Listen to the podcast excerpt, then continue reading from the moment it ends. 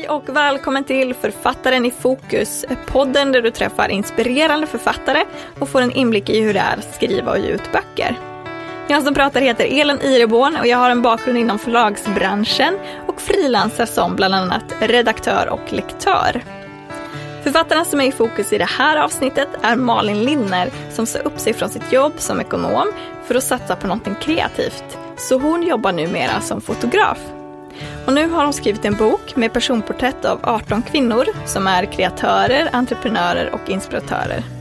Vi pratar om processen med att intervjua och skriva om andra personers liv och hur man gör för att lyssna på sig själv och hitta vad man mår bra av i livet. Hur gör man egentligen för att ta det där steget att våga satsa på sin dröm? Jag blev superinspirerad av det här samtalet och jag hoppas att du kommer bli det också. Det här är Författaren i fokus.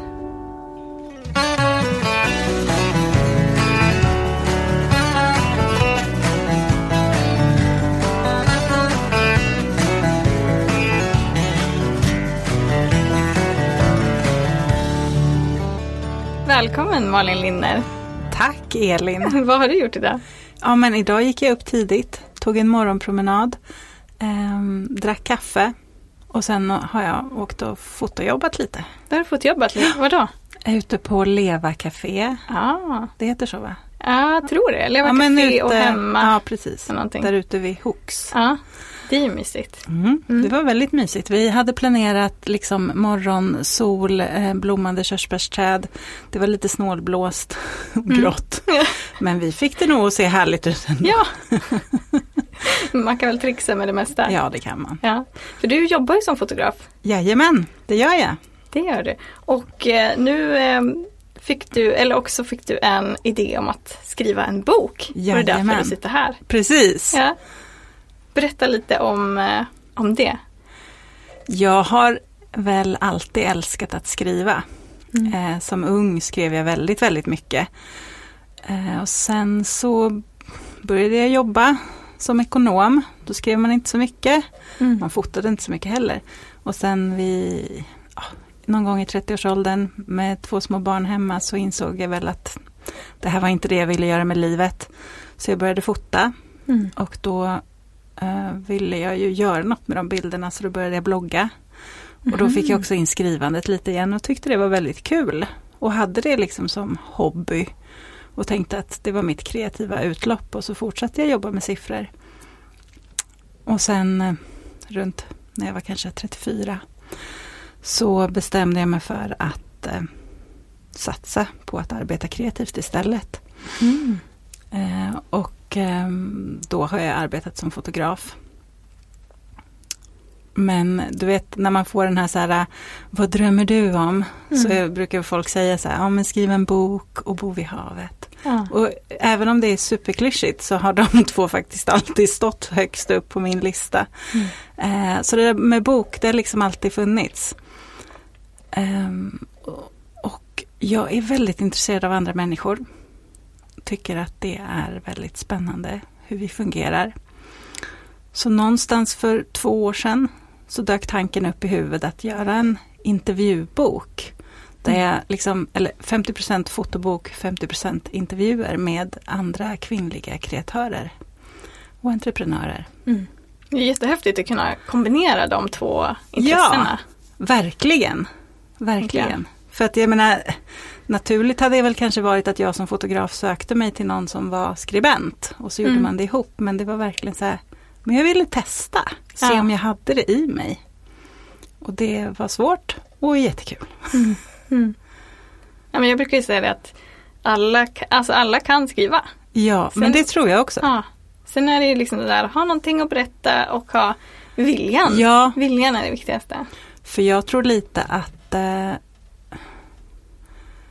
det här var väl den här bokidén som kom upp om att liksom skriva om andra kvinnor var en idé som jag kände att att det fanns något att berätta. Förstår du vad jag menar? Mm.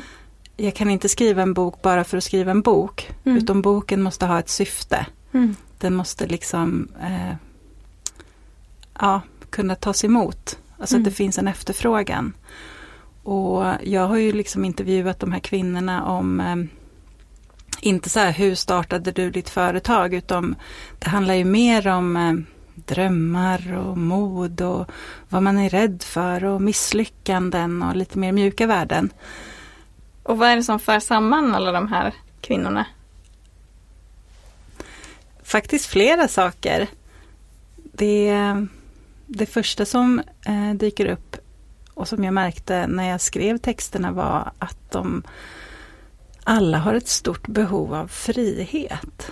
Mm-hmm. Um, att få, det låter så töntigt att säga, få bestämma själv.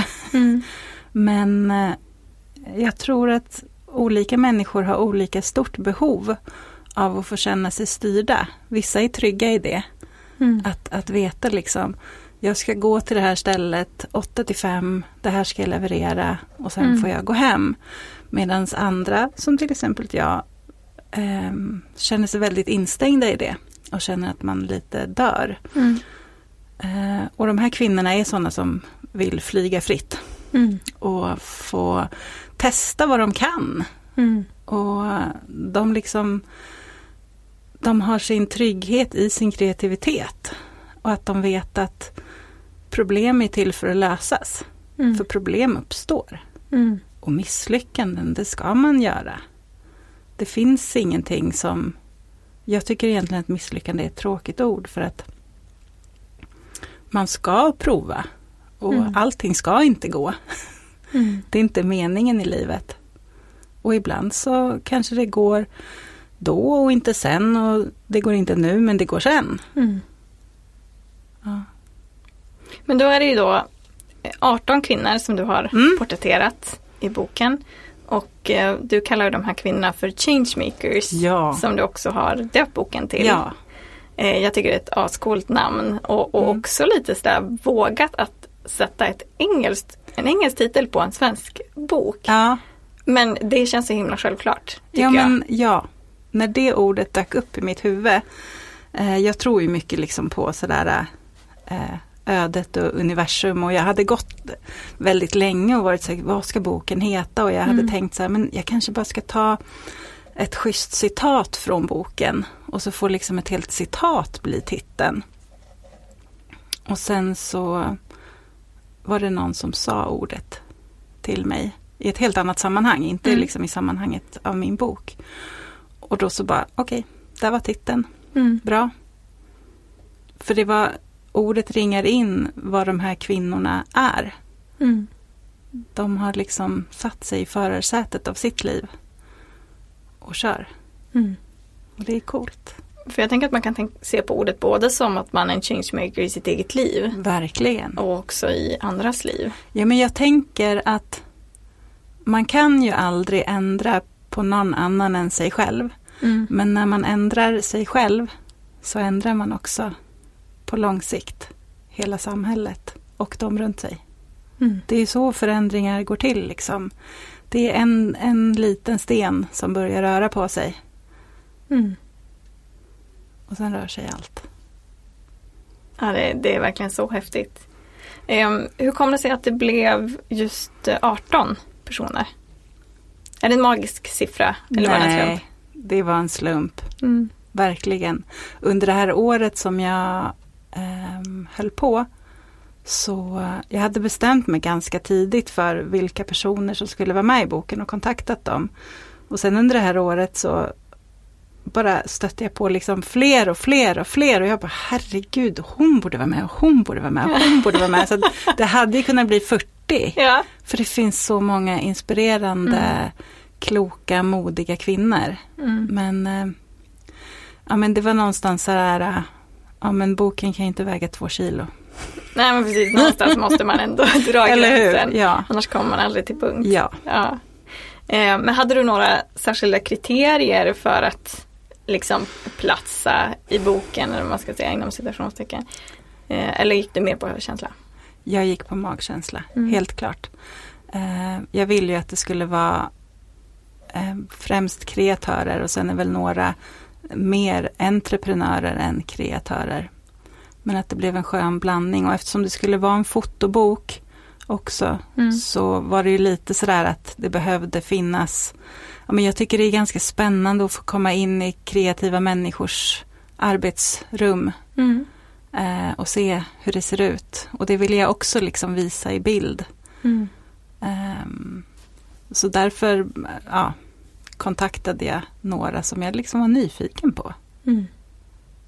Så några kanske du kände innan och några var okända eller? Jajamän, Mm. jag skulle säga innan kände jag väl kanske eh, fyra stycken Mm. av de 18. Så de andra har jag lärt Oj, ja känna. det är Ja, bra, bra många som du har lärt känna nu. ja, verkligen. Och Mm. nu är jag nästan sådär att jag Ja, jag tycker de är mina vänner. Sen vet Ja. jag inte vad de tycker. Nej men det blir väl så. Man, eh, man Ja, alltså med. jag har ju umgåtts något enormt med deras tankar. Ja.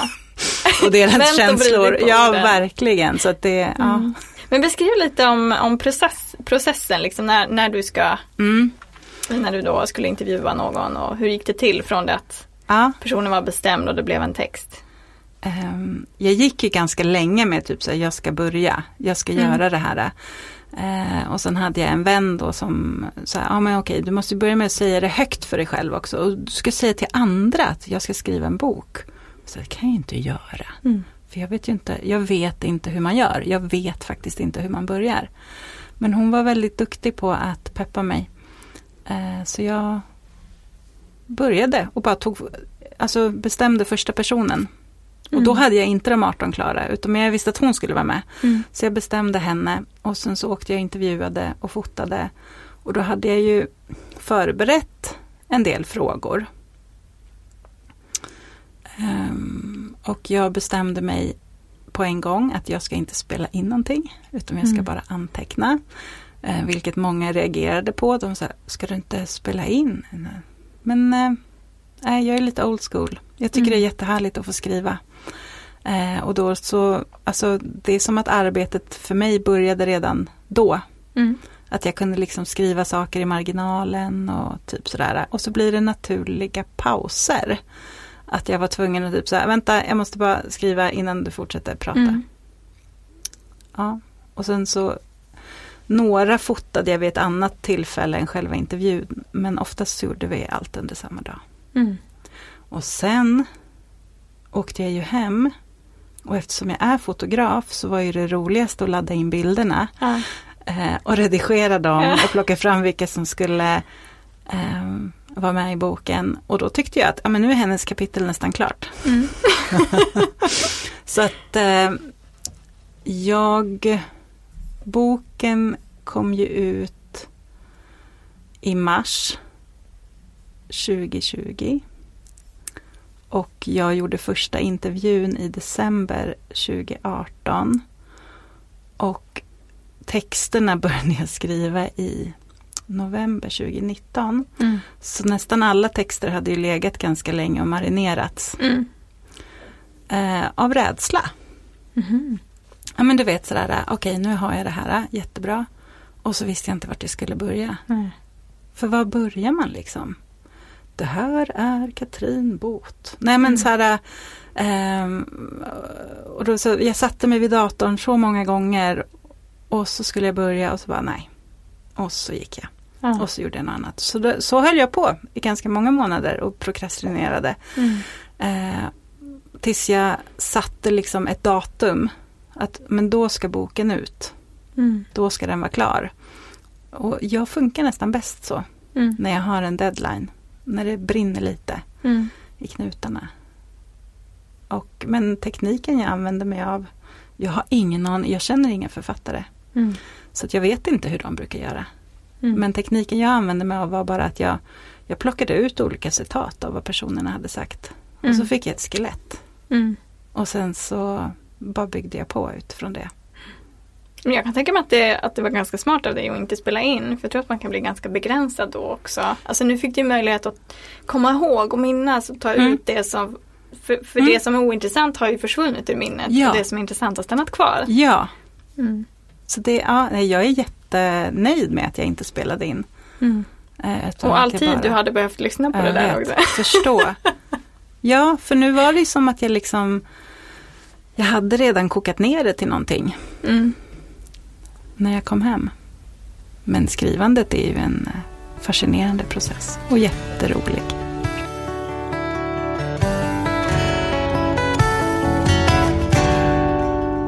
Men berätta, vad hände sen när, när du hade skrivit texten? Hur, hur var själva processen med bokutgivningen?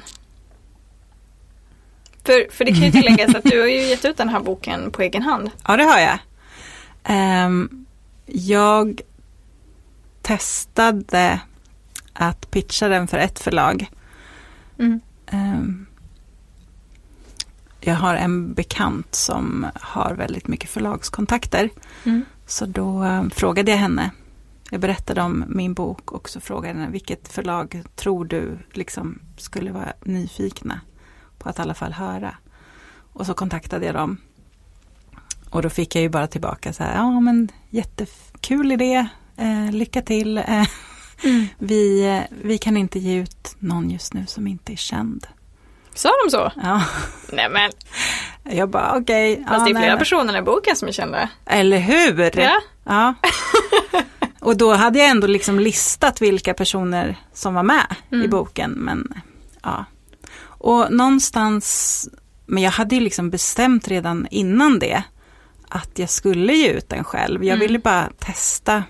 För Mm. någonstans hamnar man ju också i det här ekonomiska. Mm. Det är en stor investering att Mm, liksom absolut. plocka ur sin egen ficka. Eh, Men så att jag, det var inget nederlag utan jag kände bara, ah, okej, men då är det meningen. Plus Mm. att får jag ge ut den själv så har jag full kontroll också. Ja, det är ju faktiskt en, en väldigt, kan vara väldigt stor styrka. Ja, Mm. för jag kände direkt, i och med att det här var min dröm och det här var min bebis, så hade det nog varit svårt för mig att ha ett förlag som hade tyckt för mycket. Mm. Ja, men de, de har ju ganska mycket att säga till om till exempel. Mm. Men den här personen ska inte vara med, platsar Mm. inte. Eller jaha, ska du, nej det ska inte vara de här papprena. Mm. Utan det ska vara blanka sidor. Nej men Mm. alltså jag tänker i alla fall att de har Absolut. mycket att säga till Så om. är det. Och där hade inte jag velat kompromissa. Nej. Så jag är jätteglad att jag gjorde det på det här sättet. Mm. Och hur gick du tillväga? Hur gick jag tillväga? Eh, jag kontaktade ett tryckeri för att få en offert. Mm. för att få en uppfattning om vad den skulle kosta. Eh, och sen så ehm, tänkte jag så här, ja men jag kan Indesign, så Mm. det är lugnt. Det här kommer jag att fixa. Eh, för det är ganska kul Mm. att sitta liksom med det grafiska. Men jag insåg ganska fort att jag ville mer än vad jag kunde. Mm. Så då tog jag, eh, ja, fick jag lite rekommendationer. Så då fick jag kontakt med en tjej som kunde hjälpa mig. Och då bara liksom mejlade jag mina tankar. Och så skickade jag bilderna på en av personerna och hennes text. Och så skickade hon tillbaka ett utkast och så var det som att hon liksom förstod precis. Mm. Ja, den är ju verkligen jättefint formgiven. Ja, och då kändes det så tryggt. Mm. Och då kände jag så här, okej, eh, det här kommer kanske kosta några kronor men det struntar jag fullständigt i. Mm. Ehm, och sen så tänkte jag också så här, ja men texten, jag kan skriva. Mm. och när man sitter och skriver så inser man att så här, gud hur var det nu? Ska det vara punkt här eller komma? Eller ska det vara Mm. semikolon? Eller Mm. hmm. Så då började jag inse att okej, jag kommer ju behöva lite hjälp med text. Och då började jag fråga runt bland mina vänner igen. Mm. För det är, alltså, det är så jag gör. Mm. Och då blev jag ju tipsad om dig. Mm. Så då kontaktade jag dig. Och då tänkte jag först så här, ja men eh, jag behöver någon som korrläser. För Mm. jag visste typ knappt vad en, vad, vad är en redaktör, vad gör en redaktör, varför, Mm. ska, man, varför ska man ha det? Ja, precis. Det är, det är inte det Eh. lättaste att veta. Nej. Eh, och så träffades vi. Och sen har du hjälpt mig jättemycket. Mm. Det var ju superkul. Ja. Och jag, alltså, för det jag kände att jag fick hjälp med av dig var liksom att lyfta boken. Förstår du vad jag Mm. menar? Mm, absolut. Att jag, jag tyckte att det liksom, det fanns en bra grund, Mm. men den behövde liksom putsas och bara mm, snyggas till Mm. och, och verkligen, jag tyckte att det var otroligt lyxigt att få ha någon som eh, vågade liksom ifrågasätta och Mm. säga så här, men hur tänker du här? Och nu fattade inte jag alls vad du menade där. Mm. Och, Men Man blir ju rätt blind på sin ja, egen text. verkligen. Och, och du som har hört de här kvinnornas Ja. historia ser ju allt som står mellan raderna. ja, men precis. Nej, för Mm. jag, jag känner ju de här kvinnorna nu. Mm. Eh, och så det var ju väldigt lätt för mig att bara du vet, skriva två meningar och så trodde jag att man förstod allt. Mm. Men vet man inte vem kvinnan är så fattar man ingenting. Mm. Så det var, och jag lärde mig jättemycket. Så det kul. var en rolig process. Ja. Men jag gillar det. Jag, jag tycker det roligaste är när, när man kan liksom hjälpa författaren att, att utvecklas också. Mm. Alltså, det är inte bara säga det här är fel, skriv så här istället. Utan säga okej, det här är varför den här meningen inte fungerar. Mm. Det beror på att si och så och Ja, tänk så här. Mm. Eller om du provar att göra så här Mm. istället. Så se vad som händer. Och Ja, för det kändes ju aldrig som att du liksom rättade mig. Nej. Eller det gjorde du ju. Men det, var, det, det kändes inte som att det var Det kändes inte så. Det kändes som Mm. att vi hade en öppen dialog. Mm. Eh, så. Men så tycker jag att det ska vara. Ja. För, det, för det ska inte vara att liksom en som står med pekpinnen och säger hur det ska vara. För det är så mycket som är tycke och smak. Ja, och sen så liksom Jag tänker mig att det är ett sätt att döda kreativiteten på också. Absolut. Ja, ja, gud ja. Om någon skulle bara säga nej, du får inte göra så, inte göra så, det där blir fel. Ja. Eh, då bara, "Mm, det då. Ja men exakt, exakt. Och den Ja. reaktionen har jag ju hört från, från en del författare. Inte när de har jobbat med mig, men när de har, att de har jobbat med andra redaktörer Ja. där de har känt så att så här, nej men nu, eller att de har haft ett förlag som har liksom styrt och ställt alldeles för mycket och, Mm. och visst, det kanske blir en fantastisk produkt i slutändan och som kanske säljer hur mycket som helst. Mm. Men det kan verkligen skada eh, själen hos författaren. Och, och det är ju heller inte bra för, för boken om, om författaren har en negativ känsla kring processen. Nej, verkligen. Då vill man ju inte stå och sälja den eller Nej. prata om den utan då blir ju den som en så här, jaha, här var mitt försök till en bok, det blev en bok men det kändes inte som det Nej. eller det blev inte så som jag hade tänkt. Ehm, nej, jag, jag är superglad att du hörde av dig, det, Mm. det var verkligen ett jätteroligt eh, projekt och, och så himla intressant att få läsa om Mm. om alla de här eh, kvinnorna i, i boken. Det är, det är en jätteinspirerande bok. Ja, Tror, jag tror att alla kan få någonting ur det. Eh, ja, men jag tänker att oavsett, för min tes är ju inte att alla ska bli kreativa. Det går ju Mm. inte. Samhället behöver alla typer av människor. Men jag tror att oavsett vad man jobbar med så kan man bli inspirerad till att våga lyssna på sitt hjärta. mm, precis. Ehm, för man kanske är i helt fel bransch. Mm, Jag tror ju liksom att vi alla har ett syfte och någonting som vi är här för att ge. mm, Och eh, i vissa yrken så kanske man inte kan få ge det. mm, Eh, och av den anledningen kanske man tycker att livet är väldigt tråkigt och deprimerande. mm. Men att när man hamnar i rätt vatten så blir saker lättare. Och så, alltså när man får ge det man har Mm. så mår man bra. Och när man hittar sin iki- ikigai, Precis. ett ord som du har lärt mig. Jajamän. Mm. Det är ett av mina favoritord. Och en väldigt bra övning Mm. man kan göra. Nu blir folk nyfikna. Vad är ikigai? Vad är ikigai? ja. Går det att sammanfatta på ett snabbt ja, men det sätt? tycker jag. Mm. Eh, det ju, kommer ju från Japan. Jag ska inte gå in på det. Men det är i alla fall en övning. Eh, man kan googla på det. Ikigai. Men det går ut på att man ska ehm, lista ner fyra olika saker. Vad man älskar att göra. Vad man är bra på att göra. Eh, vad man tycker att världen behöver mer av. Och vad man kan få betalt för. Mm. Och sen då så trattas det ner i ett liksom, vad är mitt syfte? Varför är jag här? Så då är det, alltså man ska hitta någonting då som innehåller alla de här fyra bitarna, eller? Ja men typ, jag kan, jag kan ju försöka ta mig själv som ett exempel då, Mm. i mitt fotograferande. Jag älskar människor Mm. och jag älskar eh, känslor. Jag är eh, väldigt bra på att eh, få andra att eh, känna sig trygga och lugna och sedda. Mm. Det är du verkligen, måste bara inflika. Tack. Så jag, så jag inte tror att jag har hybris eller Nej men någonting. exakt, Nej, men du är Eh, verkligen det. Och sen så är jag, alltså jag är duktig på, på kameran. Mm. Jag är duktig på att liksom eh, förmedla någonting genom kameran som gör att andra känner.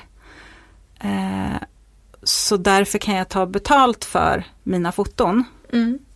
Så du med, vad jag älskar är alltså människor och känslor. Mm. Vad jag är bra på. Jag är bra på att ta människor, jag är bra på att ta bilder. Mm. Vad kan jag ta betalt för? Jo, jag kan ta betalt för att ta bra bilder. Mm. Vad tycker jag att världen behöver mer av då? Jo, världen behöver mera kärlek. Mm.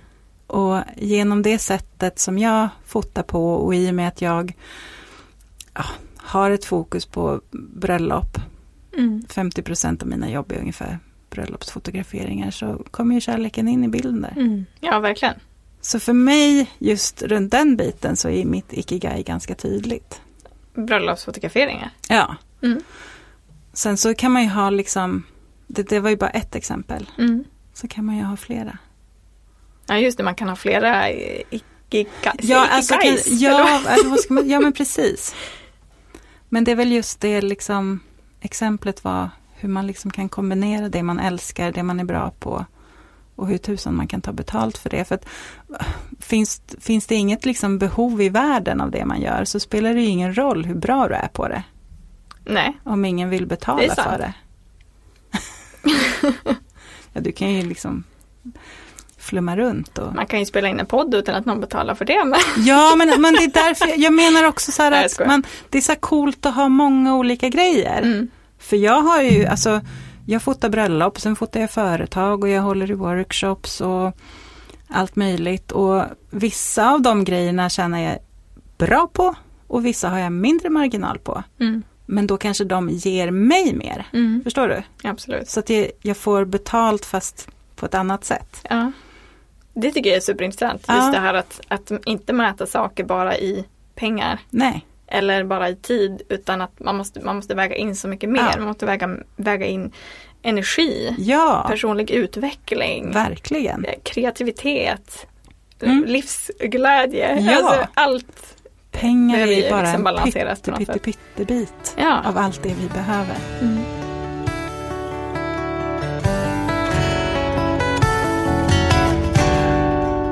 Var det någonting i, i det här bokprojektet som var svårare än du hade tänkt dig? Mm, det var svårt att ehm, eftersom det var andras ord som jag skulle skriva ner Mm. och sammanfatta. ä- Även om det, liksom, det var ju min tolkning av vad de hade sagt. Så kändes det ändå väldigt viktigt att, att göra det rättvisa. Eller att, att det skulle vara deras ord. Mm. Och inte bara liksom så här vad jag läste mellan raderna. Och det var svårt ibland. Mm. Eh, för jag ville liksom typ så här skruva till det eller "Ja, men hon menade nog egentligen så här. Mm. Eh, så det, det var svårt att inte hitta på. Utan att verkligen bara ta det de hade sagt och sen skriva det. För att allting som jag skrev skulle ju de läsa sen och Mm. godkänna innan jag tryckte det. Men jag fick bara, alla var nöjda. Alla var nöjda med, Ja. med texterna. Det var Ja. skönt. Ja. Många var till och med så här, oj gud, vad, vad mycket klokt jag har sagt. ja. Ja, men jag tror att det är Mm. lätt sådär när man sitter och pratar om sig själv en halv dag. Mm. Så bara känns det som att man bara ordbajsar. Mm. Och många var ju så här, gud hur ska du få ut något vettigt ur det där? Mm. Men eh, alla, alla sa jätte, alltså det, de är kloka människor. Då säger Mm. man kloka saker. Ja, alla, alla har ju någonting att, att ge. Ja men gud ja, och jag Mm. menar, jag ville ju verkligen bara att de skulle berätta om sig själva. Mm. Och så som de lever. Så att, och då blir det ju så här, då finns det inga kuggfrågor heller. Nej, Det finns inga rätt och fel ens. Utan det är bara, berätta bara om dig. Det är det som jag tycker är härligt i den här boken att det blir liksom om, om man skulle då läsa alla porträtten efter varann Mm. så, så får man den här otroligt breda paletten av, av hur olika människors liv och vägar kan se ut. Ja, Och, och jag känner i alla fall en känsla då av att men okej, vad, vad skönt, då finns det inga rätt och fel. precis. Då får jag hitta min egen väg. Mm. Precis så som, som jag är och Mm. den befrielsen Mm. i det. Jo, för jag tror att det är lätt att vi människor fastnar i liksom att det ska finnas något visst sätt att göra saker och ting på. Mm. Och eh, att man ska gå en viss väg. Men det finns det inte. Nej, Och det är så härligt. det är underbart.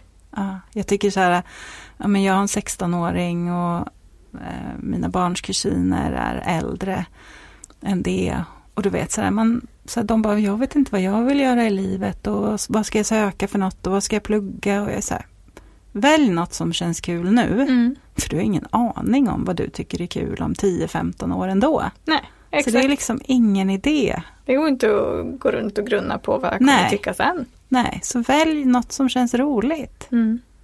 För om det inte är kul sen. Ja men min 16-åring han är så här, man ska tjäna pengar. Mm. Ja. Ja, vad ska du göra då? Ja men eh, kanske ska sälja bilar sen. Jaha. Mm. Du är inte ens intresserad av bilar. Du tycker inte ens bilar är kul. Varför ska du sälja bilar? Mm. Ja, men då kan man tjäna pengar. Man kommer vara en jättedålig bilförsäljare. Han kommer vara skitdålig bilförsäljare. Han kommer inte om känna... man inte har en Ja. person för det. Men precis, så Mm. att det är så här, men vad tycker du är roligt? Mm. jag tycker gamea är kul. Ja, men försök att tjäna pengar på det då. Mm. Alltså det blir så mycket lättare när man utgår från sig själv. Mm. Och inte, man ska inte lyssna så mycket på vad andra tycker heller. Mm.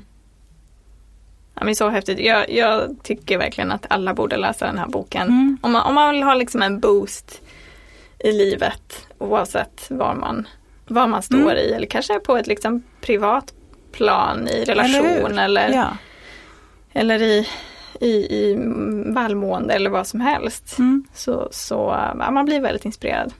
Och så får man läsa om, om min resa också. ja, eller hur? Jag fick också Ja, du vara fick med. ju det. Halkade in på slutet Ja. och det blev ju jättebra. Ja, Ja. ja. Det, var, det var så härligt och precis som du säger Malin, när du intervjuade mig, det var ju som att du bara kom och satte dig i min fåtölj och jag satt i soffan och så sa du bara typ berätta om din bakgrund eller någonting och så bara började jag babbla. Mm. Och babbla och babbla och det fanns inget slut. bara, och, och det är ju inte ofta det händer. Alltså det, Du har ju någon, den förmågan och i alla fall hos mig så, så jag, jag, äh, jag vet inte vad det är.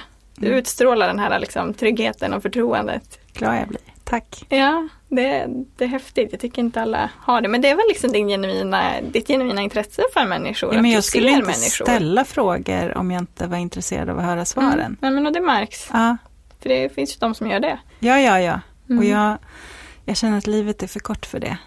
Jag är jättedålig på att småprata och gå på mingel och sånt där. När Mm. man ska nätverka. Jag, jag väljer hellre ut någon och så kan jag så här, fråga så här, men hur var din barndom? Mm. What? Nej, men jag är mer intresserad av sånt. Ja. Eh, att lära känna människor på djupet än att stå och liksom småprata om väder och vind. Mm. Jag är inte så bra på det. Mm. Så då kommer vi ju oundvikligen till frågan, hur var din bakgrund Malin? Min bakgrund? Ehm, jo, men eh, Eller barndom, vilket ja, du vill. precis, min barndom. Ja, men jag var ju eh, en sån där tyst unge som Mm. tyckte om att skriva och eh, lyssna på musik och jag höll inte på med massa idrotter utan ja, jag gillade att hänga mycket med mig själv och mina kompisar och jag kände väl aldrig att jag passade in. Jag har aldrig varit bra på att umgås jag, i grupp liksom. Jag är ingen sån här tjejgängsperson. Mm. Men jag har mycket vänner. Men jag brukar se mina vänner som en eh, bukett av olika blommor. Eh, där ingen är den andra lik. Mm. Och- Vad fin, fin Ja. liknelse. Ja, Mm. eh, för att vänner är jätteviktigt. Men jag har aldrig varit sådär, åh nu ska vi liksom åka på spa, ett helt tjejgäng. Och jag har börjat inse att det är för att jag, jag, jag tar inte så mycket plats. Jag gillar att, att vara lite tillbakadragen och iaktta. Mm. Och i en stor grupp då så kan man lätt försvinna. Mm. Och då försvinner jag liksom lite bort. Alltså jag deltar inte riktigt. Mm. Och därför tycker jag det är mycket lättare att umgås en och en. Eller möjligtvis att man är tre. Eh, så att man liksom hamnar i samtal där man ser och hör varandra. Men i alla fall. ehm, jag hade någon dröm om att jag ville bli psykolog. Och det är roligt när du säger att jag är bra på att få människor att prata. Ja. Jag tror att jag skulle bli en ganska bra psykolog. ja, men det hade det blivit, helt klart. Men jag är också väldigt, ehm, jag, har, jag bär ofta andra människors känslor. Mm. Så jag vet inte om det hade funkat för mig att Ja, bli psykolog. Hade gått hem och burit allting. Men jag Mm. tror att de som är psykologer lär sig hantera sånt också. Mm. Ehm, men i alla fall. Så bestämde jag mig för att läsa till personalvetare. Mm. För man var ju tvungen att bli någonting. Ja, man är ju Ja, det. Jag trodde det. Eller men jag tänkte så här, jag önskar så här efterhand så varför sa ingen typ så här, du borde läsa på Konstfack eller så här. Men eh, jag sa så här, jag ska läsa till personalvetare på Uppsala universitet och det enda folk sa så här var wow, gud vad bra för dig. Mm. Och så började jag och sen så bytte jag inriktning eh, så att jag läste mer ekonomi istället. Och det var ingen som sa, men vad håller du på med? Du är väl ingen ekonom? Du gillar Mm. väl inte siffror? Utom alla sa, gud vad bra. Mm. Åh, du kommer du få jobb sen. Mm. Eh, så det gillade egot. Mm. Egot körde på och tyckte Ja, att gud man, vad får man bra. ju bekräftelse och tänker att man är på rätt jag ska väg. bli civilekonom. Det låter jättevuxet, jättebra. Mm. Ehm, det var inte alls kul att plugga det. Jag vantrivdes, hade jättemycket ångest och tänkte väl så här, ja men jag är 20, det hör väl till att ha jättemycket ångest. Ehm, så här i efterhand så kan jag ju se ganska tydligt att det var liksom min kropp som bara, men snälla, Mm. varför försöker du trycka in dig själv i den här fyrkanten när du är jätterund? Mm. Och sen började jag jobba som ekonom efter fyra år på universitetet. Sen hann jag få barn och ja men du vet, man jobbar på och tänker inte så mycket. Tänker att det, det här är väl livet, så här ska det vara. Jag gifte mig och vi hade Volvo och vi hade hus och jag hade allt det där som jag liksom hade stolpat upp för mig själv att jag skulle ha för att Mm. vara lycklig. Och jag var inte alls lycklig Mm. eh, sprang hos liksom terapeuter och jag gick på yoga och jag åt antidepressiva mediciner och jag liksom sådär eh, försökte få bort ångesten. Mm. För jag var jättedeprimerad och hade jättemycket ångest och var sjukskriven en period också. Och, men jag, den skulle bara bort, bort, bort, bort, bort, bort. För jag hade ju mitt braiga liv. Varför Mm. kunde den inte bara försvinna? Och det är lätt att vara efterklok. För idag kan jag ju se att ångesten var ju ett meddelande från mig själv. Mm. Men jag lyssnade ju inte alls. Utom jag ville bara, ja men du vet, som när man får ont någonstans. Så tar man en Ipren och så går det onda bort. Istället för att fråga sig varför får jag ont? Mm. Ja, jag kanske har fel skor om jag har ont i fötterna. Alltså, Mm. Ja, exakt. ja. Men, eh, och sen tror jag det kommer med åldern också, att man lär sig om sig själv. Så eh, någonstans runt 33 så började jag och min man liksom prata om att okej, men du ska, inte, du ska inte jobba i den här branschen. Du borde ha något eget och jobba kreativt. Eh, och så sa vi så här, men vi sparar pengar ett Mm. år.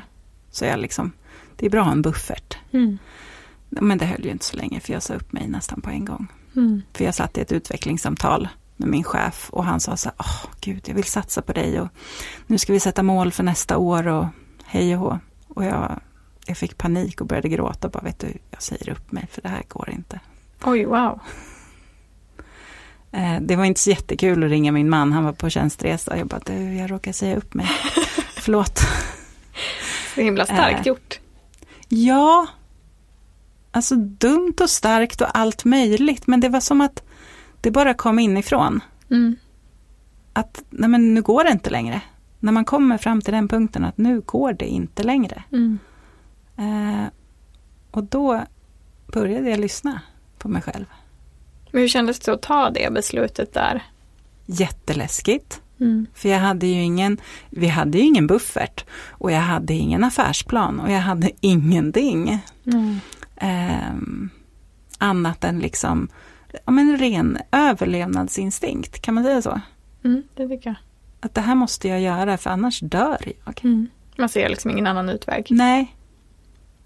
Och mina barn, de kan ju fortfarande idag vara lite så här, men alltså mamma vad jobbar du med egentligen? Alltså du bara flummar. men det var väl alla kreativa Eller hur?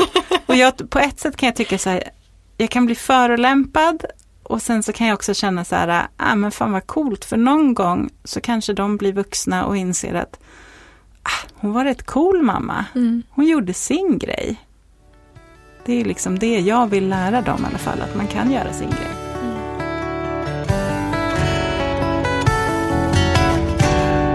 Ser du på dig själv som en changemaker? Absolut. Ja men gud vad det där lät hybris. Men ja, det är klart jag gör. Det är klart jag gör. Ja, det tycker jag också att du ska. Ja, verkligen. Eh, och jag hoppas att jag kan... Eh, men jag gillar att så frön. Mm. Och det är väl det jag hoppas att den här boken kan göra. Mm. Så frö i människor. Att liksom... Eh, ah, fan, jag lever bara en gång. Mm. Är jag nöjd? Nej. Nej men exakt, och man lever ju inte för någon annans skull. Nej men man gör ju Eller inte ingen det. som kommer tacka en Nej. när man, när man när man ligger där på dödsbädden och har jobbat häcken av sig, något man inte trivs med. Verkligen. Det är ingen som kommer tacka dig då. Jag brukar ofta prata med min 80-åriga eh, Malin. Ja. Ehm, och liksom stämma av med henne. För jag vill inte att hon ska vara bitter mm. och en sur gammal tant. Och det är hon, just nu är hon inte det, just nu är hon ascool. Mm. Eh, och har levt ett fantastiskt liv. Och hon är fortfarande ganska flummig faktiskt. Eh, men jag tycker att det är en bra övning. Att liksom tänka, tänk hur du vill att ditt liv ska vara när du är 80. Vad vill du ha för minnen att titta tillbaka på? Mm. Hur vill du ha levt ditt liv? Vill du ha det här, undra om det hade gått? Tänk om jag hade gjort sådär? Tänk om jag hade provat? Eller vill du känna så här, oh, jag testade det, det gick åt skogen, men det var kul. Och sen så mm. gjorde jag det, ja men det gick ju jättebra. Mm. Den personen vill jag vara. Mm. Det är en riktigt bra övning faktiskt. Ja. Man, jag tänker att man får lite distans ja. från sig själv också. Och, och Ja, man kan säga liksom vad, vad vill jag att framtids-Elin ska, hur vill jag att hon ska vara? Mm. Så vill jag att hon ska tänka och tycka och minnas. Um, då, då personifierar man ju den liksom utanför sig själv på något sätt. Ja, att man precis. skapar en distans och kanske kan se lite mer objektivt på sitt liv. Ja, för grejen... utifrån. Om du hade varit vän med dig själv, vad hade du gett dig själv för råd då? Ja, precis. Mm. För att vi, vi frågar ju ofta andra och man tror att svaren finns utanför en själv. Men alla svar, eller alla frågor du har, har du själv svar på. Och att då prata med sig själv, fast in i framtiden, är ju mm. ett sätt att få fatt i de svaren. Mm. Uh, för att alltså, alla svar finns i oss om vi bara lyssnar. Mm. Men det kanske inte alltid är de svar man vill ha. Men man, man måste vara liksom eh, redo för att få dem ändå. Ja, det är superhäftigt. Och um, nu har du också kunnat lägga till uh, författare på CVt. Får man det nu? Ja, det tycker ah, jag att du ska. Eller ja. det, det får du. Mm. um, har du några andra nya grejer på gång? Mm, ja, men jag håller ju workshops. Mm. Och sen så tänker jag ju att jag ska ut och liksom eh, pop-uppa lite med den här boken. Mm pop-up är ju ett nytt modernt ord, men ja. det är lite det att man alltså besöker butiker och liksom är på plats och säljer boken. För att jag tycker att det är roligt att träffa människor. Och sen så är ju drömmen att få liksom kanske prata om boken mm. på det sätt som jag gör nu. Mm.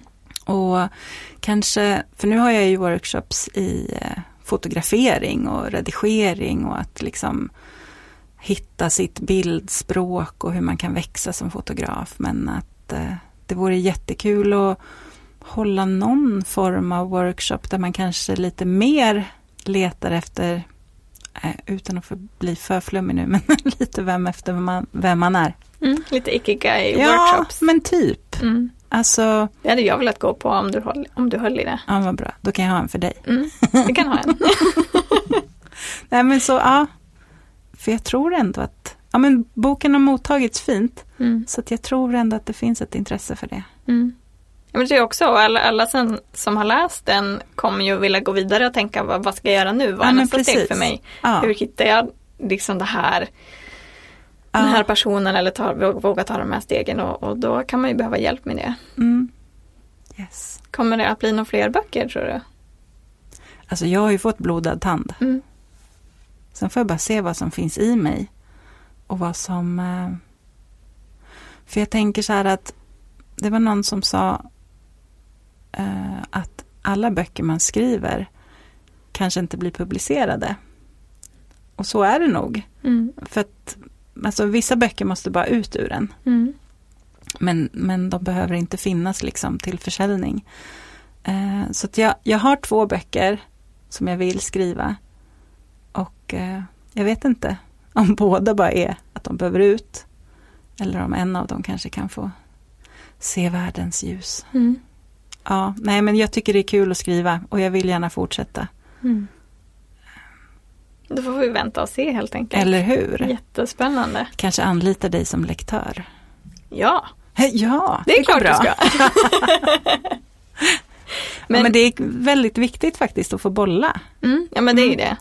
det, är det. Må- Många har ju den här bilden av författaren som det här ensamma geniet. Mm. Men det finns väl bara någon procent som Mm. skulle stämma in på den eh, bilden egentligen. Mm. Alla andra författare jobbar ju med lektörer, redaktörer, förläggare, eh, testläsare, bollplank, skriv, manusutvecklare, gå på skrivkurser. Man måste ha liksom input och output och läsa mycket och ja, Mm. en, bok blir inte till bara av sig själv Nej. och, och inte ens bara av en författare utan ofta det är många personer inblandade. Så det ska man inte vara rädd för. Nej. För jag tänker att man ofta fastnar i det här, men allt är redan skrivet. Mm. Allt finns redan. Och sen, men man har någon idé och då kan man ju liksom få hjälp och bolla. Så här, men hur, hur kan jag vinkla den så att det blir någonting nytt som Mm. behövs? Ja men exakt och jag brukar tänka så att precis, på samma sätt som att alla vi människor är unika trots att vi består av ungefär 99% samma gener Mm. eller samma DNA Mm.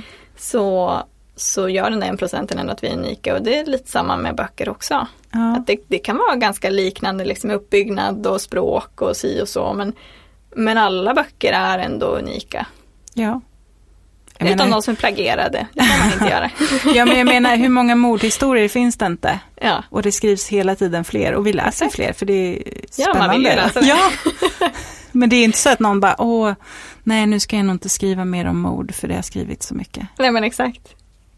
Det är som att man skulle säga då ska jag inte föda något barn. För nej, för alla det finns så barn, många barn. Alla barn har redan fötts. Ja, nej. nej. Det är lustigt varför man tänker så. Mm. Mm. Nej, men det, ja, det blir nog så. Mm. Eh, Men tänker du dig då att det skulle vara en, en skönlitterär berättelse som du vill skriva eller är det mer åt, åt det hållet som du har skrivit nu? Jag tror att det är åt det hållet som jag har skrivit nu. Mm. I alla fall en början. Eh, sen, alltså, om jag bara får hoppa tillbaka till hon den där 80-åriga. Mm. Hon sitter ju och skriver. Så att det, och om jag ska hålla på till 80 och skriva då, då måste det nog komma ut lite skönlitterärt också. Ja, det, Eller Men, man vet eh, inte. det är det som är spännande. Ja, men det är det som är grejen med livet. Ja. Man vet inte och det är Ja. så coolt. Det kan bli vad som helst.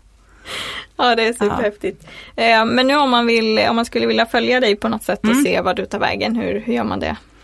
Alltså till vardags så finns jag ju mest på Instagram. Mm. Malin Lindner heter jag där. Väldigt kreativt. Ja, tack. Ja, em, mm. ja, men Enkelt, tydligt. Ja. Mm. man är ju sitt varumärke. Eller Exakt. hur? Ja. Eh, så där försöker jag finnas nästan varje dag.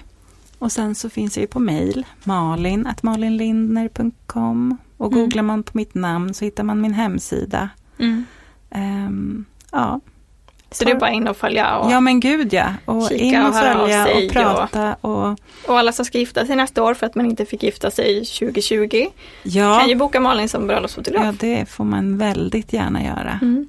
Och jag, många frågar sig, gud men åker du liksom ner till Småland? Det är klart jag gör. Mm. Det är det som är uspen med att vara fotograf. Att Mm. man får se så många olika platser. Mm, men det är coolt. Ja, Det är bra att ha det, för jag tänker att inte alla fotografer kanske som gör det. nej men jag älskar det. Men det är ju superbra. Det är bara roligt. Hur, hur, vad är det mest eh, norrut du har varit och fotograferat Det bröllop? vågar jag inte ens säga för det är ju inte Gävle. Ja men typ. eh, så det står, det står verkligen på min bucket list. Mm. Att få ett bröllop högt upp i Sverige. Mm. Förstå vad coolt. Mm. Ja, det jag får se om jag kan eh, tipsa några av mina Norrlandskompisar. då. men gör det. Mm. Det vore coolt. Så du får checka av det också. Mm. Ja, men Malin, tack så jättemycket för att du kom hit och för att du delade med dig av, den här, eh, av tankarna kring den här boken. Ehm, om man vill köpa den så, hur gör man det? Den finns ju i min webbshop som finns Mm. på min hemsida. Yes. Så man kan googla mitt namn och Changemakers så kommer den upp också tror jag. Då hittar man det. Ja. Eller så får man hålla utkik för någon pop-up. Eller Se om hur? Du, om du dyker upp någonstans. Ja, Mm. det Tack var så jättemycket för att du kom jättekul hit. att få vara här. Tack Elin. Tack för att du har lyssnat och om du precis som Malin har en text som du behöver hjälp med hittar du mig på Instagramkontot Författaren i fokus eller www.peopleandstories.se. Ta nu hand om dig och ha en riktigt fin dag.